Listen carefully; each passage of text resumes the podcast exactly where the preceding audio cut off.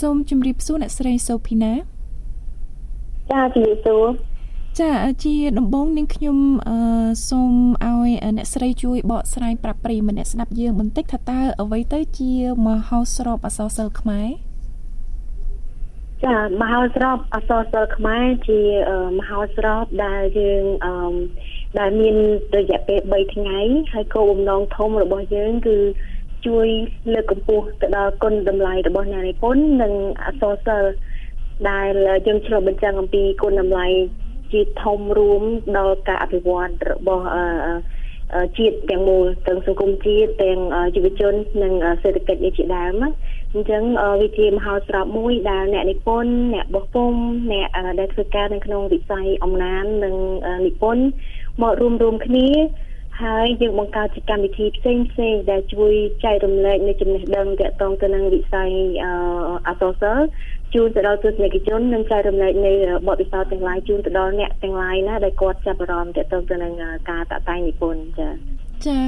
នាងខ្ញុំបានដឹងថាអ្នកស្រីគឺជាអ្នកបដិបដើមគំនិតបង្កើតមហោស្រពអសរសិល្ប៍ខ្មែរនេះឡើងអញ្ចឹងនាងខ្ញុំចង់ដឹងថាតើមូលហេតុឬមួយក៏ចំណាប់អារម្មណ៍អ្វីដែរដែលជំរុញឲ្យអ្នកស្រីបង្កើតមហោស្រពអសរសិល្ប៍ខ្មែរលើកដំបូងនៅប្រទេសកម្ពុជាយើងនេះចា៎អឺចាអឺនិយាយទៅកត្តាដែលញ៉ាំងចិត្តវាពេលខ្លះវាអាចមកពីការអឺ ខកចិត្តឬក៏អន់ចិត្តអីតិចតួចអញ្ចឹងតាក់ទងទៅពេលខ្លះមិត្តភក្តិគេសួរថាមិត្តភក្តិបរទេសភាគច្រើនគេសួរអឺនៅប្រទេសនេះឯងមានមហោស្រពអសរសិល្ប៍អត់ពួកខ្ញុំចង់ទៅចូលរួមហើយពេលណាមានមហោមានកម្មវិធីអសរសិល្ប៍ភាគច្រើនអត់ទៅមានការឲ្យតម្លៃខ្ពស់ទៅដល់អ្នកនិពន្ធកម្ពុជាទេទោះបីជាយើងជាអ្នកម្ចាស់ស្រុកក៏ដោយអញ្ចឹងខ្ញុំខ្ញុំមានអារម្មណ៍ថាតើហេតុអីបានពីកើតឡើងអញ្ចឹង ហើយដល់ពេលមានសំណួរផងមើលទៅដូចគេចាប់អារម្មណ៍ផងហើយខ្ញុំគិតថាប្រទេសមួយ ដែលមានអរិយធម៌វប្បធម៌ចំណាស់មួយនៅអាស៊ីអាគ្នេយ៍យើងគួរតែមានមហោស្រពអក្សរសិល្ប៍ព្រោះដោយសារវាជាទឹកតាំងប្រវត្តិសាស្ត្រនិងវប្បធម៌អក្សរសាស្ត្រផងជាតិមួយទាំងមូលអញ្ចឹងណាខ្ញុំគិតថាអញ្ចឹងយើងនាំគ្នាបកកើតទៅជាមួយមិត្តភ័ក្តិដំបងពីរបីនាក់ដូចយើងឈិនលីគីសុជាតាអីហ្នឹង ក៏យើងខ្ញុំក៏បង្ហើបប្រាប់គេយើងយើងបង្កើតមហោស្រពអសរសិល្ប៍ខ្មែរទៅពួកគេក៏យល់ព្រមហើយយើងក៏ចាប់ផ្ដើមធ្វើការងារនឹងរួមគ្នាមកតែដំបូងយើងគិតថាយើងធ្វើតូចទេព្រោះដោយសារតែយើងជាអ្នកស្ម័គ្រចិត្តហើយយើងមានគ្នា5 6នាក់អញ្ចឹងវាជាការងារមួយដែលយើងចាប់ផ្ដើមពីពីទូចមកទៅបន្តិចម្ដងបន្តិចម្ដងណា ចាហើយឆ្នាំនេះគឺជាលើកទី3ហើយដែលមហោស្រពអសរសិល្ប៍ខ្មែរនឹងនឹងចាប់ផ្ដើមរៀបចំម្ដងទៀតដូច្នេះនឹងខ្ញុំចង់ដឹងថាតើតាំងពីបង្កើតឡើងលើកដំបូងរហូតមកដល់លើកទី3នេះថាតើចំណាប់អារម្មណ៍របស់សាធារណជនមកលើមហោស្រពអសរសិល្ប៍ខ្មែរនឹងមានលក្ខណៈបែបណាដែរទៅលើការរីកចម្រើនក៏ដូចជាការដើរទៅមុខនៃអសរសិល្ប៍ខ្មែរនៅក្នុងប្រទេសកម្ពុជាយើង។ ចាអឺខ្ញុំគិតថាតាមចំនួនបើខ្ញុំប្រៀបធៀបពីឆ្នាំទី1នៅ2017នៅខេត្តសៀមរាបឆ្នាំទី2នៅបាត់ដំបងនៅ2018និងទី3នៅភ្នំពេញ2019ខ្ញុំគិតថាចំនួនអ្នកដែលចូលរួមយើងមានការកើនឡើងជារៀងរាល់ឆ្នាំជាអឺជាការកត់សម្គាល់ដូចក្នុងឆ្នាំនេះអញ្ចឹង យើងបង្កើតឲ្យមានការពិព័រណ៍និងតាំងលក់សភៅនិងកម្មវិធីផ្សាយផ្សាយជាច្រើននៅនៅថ្ងៃទី12និងថ្ងៃទី13ត្រូវជាថ្ងៃសៅរ៍ឬថ្ងៃអាទិត្យហើយជាជិត2សប្តាហ៍ទៀតហ្នឹងគឺអឺពីឆ្នាំទី1យើងមានតែមួយតុក កត់សឹងតែកតេលមួយព្រោះតែយើងធ្វើនៅវត្តយើងអត់មានគិតថាអូយើងនឹងតាំងលក់សភៅធ្វើជាពិព័រណ៍ទេ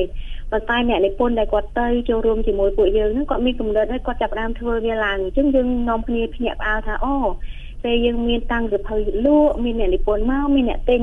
អញ្ចឹងឆ្នាំទី2យើងធ្វើមានប្រហែលជា7 8តុកតែឥឡូវនេះ25តុកហ្នឹងដោយសារតែយើងឈប់ផងយើងឈប់យើងត្រូវតែឈប់ត្រឹមហ្នឹងហើយយើងឈប់លេងទទួលទៀតហើយ ចឹងមានចំនួនអ្នកដែលចាប់អារម្មណ៍ក្នុងការចូលរួមប្រពៃពិធីមហោស្រពអសរសិល្ប៍លើកទី3ហ្នឹងមានការកើនឡើងហើយអឺបើសិនជាសំណួរមួយទៀតបើតាមខ្ញុំយល់សួរតកតងទៅនឹងតើកើរីចម្រើនបែបណានៅក្នុងវិស័យអំណានហើយនឹងទៅសេត្រូវទេចាចាចាបើតាមខ្ញុំយល់ខ្ញុំគិតថាកម្ពុជាបាន ឃើញនៅការរីកចម្រើនតកតងទៅនឹងអំឡានហើយនឹងតកតងទៅនឹងការនិពន្ធអឺសំបីតែនៅក្នុងពិព័រណ៍សិភៅកម្ពុជាយើងឃើញថាមនុស្សរាប់ម៉ឺនអ្នកជាពិសេសមនុស្សវ័យក្មេងដែលតម្រង់ទៅពិព័រណ៍សិភៅហើយគេទិញសិភៅអានអញ្ចឹងនេះជាស័ក្តិសិទ្ធិមួយដែលយើងឃើញថាយុវជនវ័យក្មេងកម្ពុជាគាត់ចាប់ផ្ដើមអានសិភៅ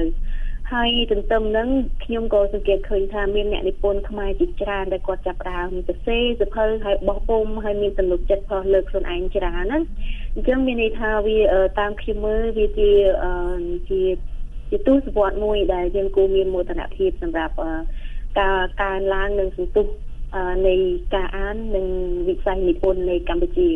តែទោះជាយ៉ាងណាក៏ដោយក៏យើងនៅតែមានបញ្ហាប្រឈមមុខមួយចំនួនដែលខ្ញុំគិតថាពួកយើងគួររួមគ្នាបង្កើតហើយនឹងដោះស្រាយវាទាំងអស់គ្នាចាងាកមកមហោស្រពអក្សរសិល្ប៍ខ្មែរលើកទី3នេះវិញតើនៅឆ្នាំនេះមហោស្រពនេះមានអ្វីខុសប្លែកពីឆ្នាំមុនមុនដែរឬទេចាអឺអ្វីដែលប្លែកអឺទី1គឺយើងមានអឺពិព័រណ៍មរតកអក្សរសិល្ប៍ ដែលជាពិព័រណ៍មួយយើងអត់ដែលមានពីមុនមកទេអឺជាពិព័រណ៍នេះគឺយើងមានយើងមានក្រុមមួយយើងធ្វើការស្រាវជ្រាវជាមួយគ្នាស្វែងរកអ្នកនិពន្ធពីទសវត្សរ៍60និង70ដែលទៅសេសភៅមានទេពកោសល្យខ្ពស់ប៉ុន្តែអត់សូវមានគេស្គាល់ ភាគភាគច្រើនប្រជាជនកម្ពុជាយើងយើងស្គាល់កលាបៃលិនយើងស្គាល់លោកញឹកថៃឬយើងស្គាល់លោកនូហាចប៉ុន្តែអ្នកនិពន្ធផ្សេងទៀតដែលបានបោះពុំសភៅហើយមានទឹកដៃដែលល្អមានគំនិតច្នៃប្រឌិតខ្ពស់ហ្នឹងអត់សូវមានគេស្គាល់ទេអញ្ចឹងយើងព្យាយាមស្រាវជ្រាវស្វែងរកប្រវត្តិអឺរបស់ពួកគាត់ហើយនឹងសង្ខេបរឿងដែលគាត់បាននិពន្ធទាំងអស់ហ្នឹងនឹងពិព័រណ៍ជូនទស្សនិកជនដើម្បីគាត់ស្វែងយល់ជាចំណេះដឹងនិងកំសាន្តផង នេះជាលក្ខណៈពិសេសខុសពីមហោស្រពពីមុនមុន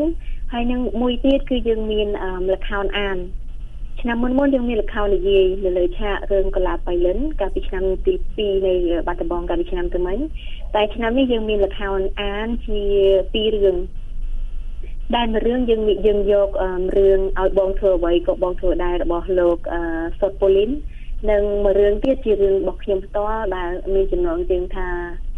អឺចម្រៀងនំសាចាវាជាលក្ខណៈទីទី2អញ្ចឹងមានអ្នកទស្សនិកជនដែលមកចូលរួមមហោស្រពហ្នឹងអាចទិញសភៅជួបជាមួយអ្នកនិពន្ធទទួលបានចំណេះដឹងនិងបទពិសោធន៍ពីអ្នកនិពន្ធផងហើយអាចទស្សនានៅលខោនអឺ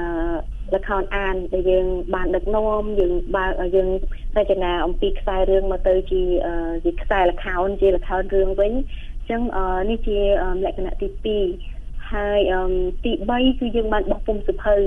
សភៅនេះយើងដាក់ថាពីដៃទៅបេះដូងមានន័យថាដោយសារតែកាលពីឆ្នាំមុនយើងធ្វើការប្រឡងប្រជែងស្នាដៃអសរសិល្ប៍ហើយយើងបានទទួលការដាក់បញ្ចូលស្នាដៃដើម្បីប្រកួតប្រជែងនឹងច្រើនមែនទែនហើយជាលទ្ធផលយើងរើសបានលេខ2លេខ3ឬក៏រង្វាន់លើកទឹកចិត្តអីហ្នឹងអញ្ចឹងយើងប្រមូលអឺ ស្នាដៃរបស់គាត់ទាំងអស់ហ្នឹងរួមបញ្ចូលទៅនឹងកំណើតថ្មីថ្មីដែលយើងអាចធ្វើទៅបានសម្រាប់ឆ្នាំនេះដែរដើម្បីបង្កើតជាសិភៅមួយក្បាលហើយសិភៅមួយក្បាលហ្នឹងនឹងនឹងដាក់លក់ក្នុងតម្លៃមួយដែលសមស្របបំផុតដល់ហើយយើងអាចអានេះវាជាចំណូលមួយសម្រាប់មហោស្រពទៅថ្ងៃក្រោយដែលខ្ញុំគិតថាជាគំនិតល្អហើយពួកយើងគួរតែធ្វើអញ្ចឹងទៀតដើម្បីជាទុនព្រោះដោយសារតែមហោស្រពយើងត្រូវការនិរន្តរភាពដែរ ចាចាជាចុងក្រោយអ្នកស្រីសុភីណានាងខ្ញុំចង់ឲ្យអ្នកស្រីរៀបរាប់ត្រួសត្រាសបន្តិចថាតើសារៈសំខាន់នៃការអានហើយនឹងនិពន្ធនៅក្នុងប្រទេសកម្ពុជានឹងវាមានតួនាទីសំខាន់យ៉ាងយ៉ាងដូចម្ដេចខ្លះនៅក្នុងសង្គមកម្ពុជាយើងចាអរគុណច្រើនចំនួននេះល្អមែនតើហើយខ្ញុំគិតថាចម្លើយមានច្រើនដែរជាងខ្ញុំព្យាយាមឆ្លើយ ទីមួយខ្ញុំគិតថាការអានគឺជាការកំសាន្តចិត្តដែលមនុស្សធម្មតាយើងធ្វើការនៅហត់ពេញរាល់ថ្ងៃចឹងពេលមកដល់ផ្ទះយើងបានសភើយើងបានអានធ្វើយើងសម្រាកនៅផ្លូវចិត្តនិងផ្លូវអារម្មណ៍របស់យើងទី2យើងអាចស្វែងយល់អំពីរឿងរ៉ាវផ្សេងផ្សេងទៀតដែលវាមិនមែនជារឿងផ្ទាល់ខ្លួនយើងយើងអាចយល់អំពីវប្បធម៌ អំពីគុណធម៌អំពីគុណតម្លៃនៃជីវិតនិងរឿងរ៉ាវផ្សេងផ្សេងទៀតដែលជួយឲ្យយើងនឹងកាន់តែយល់ដឹងខ្ល้ายទៅជាពលរដ្ឋម្នាក់ដែលមានការគិតស៊ីជម្រៅហើយ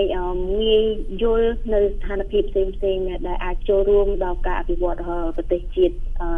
យើងហើយទៅតងទៅនឹងការនិពន្ធអត្ថប្រយោជន៍មួយទៀតដែលខ្ញុំគិតឃើញនេះគឺជា ធម្មតាប្រទេសជាតិដែលរីកចម្រើនអ្នកនិពន្ធគេក៏រីកចម្រើន គេមានជីវភាពខ្ពស់អញ្ចឹងមានន័យថាពួកគេអ្នកនិពន្ធគេគាត់បោះពុំសភៅគាត់លក់សភៅបានកតាទាំងអស់ហ្នឹងឯងជាផុសតាមួយដែលបញ្ជាក់ថាជា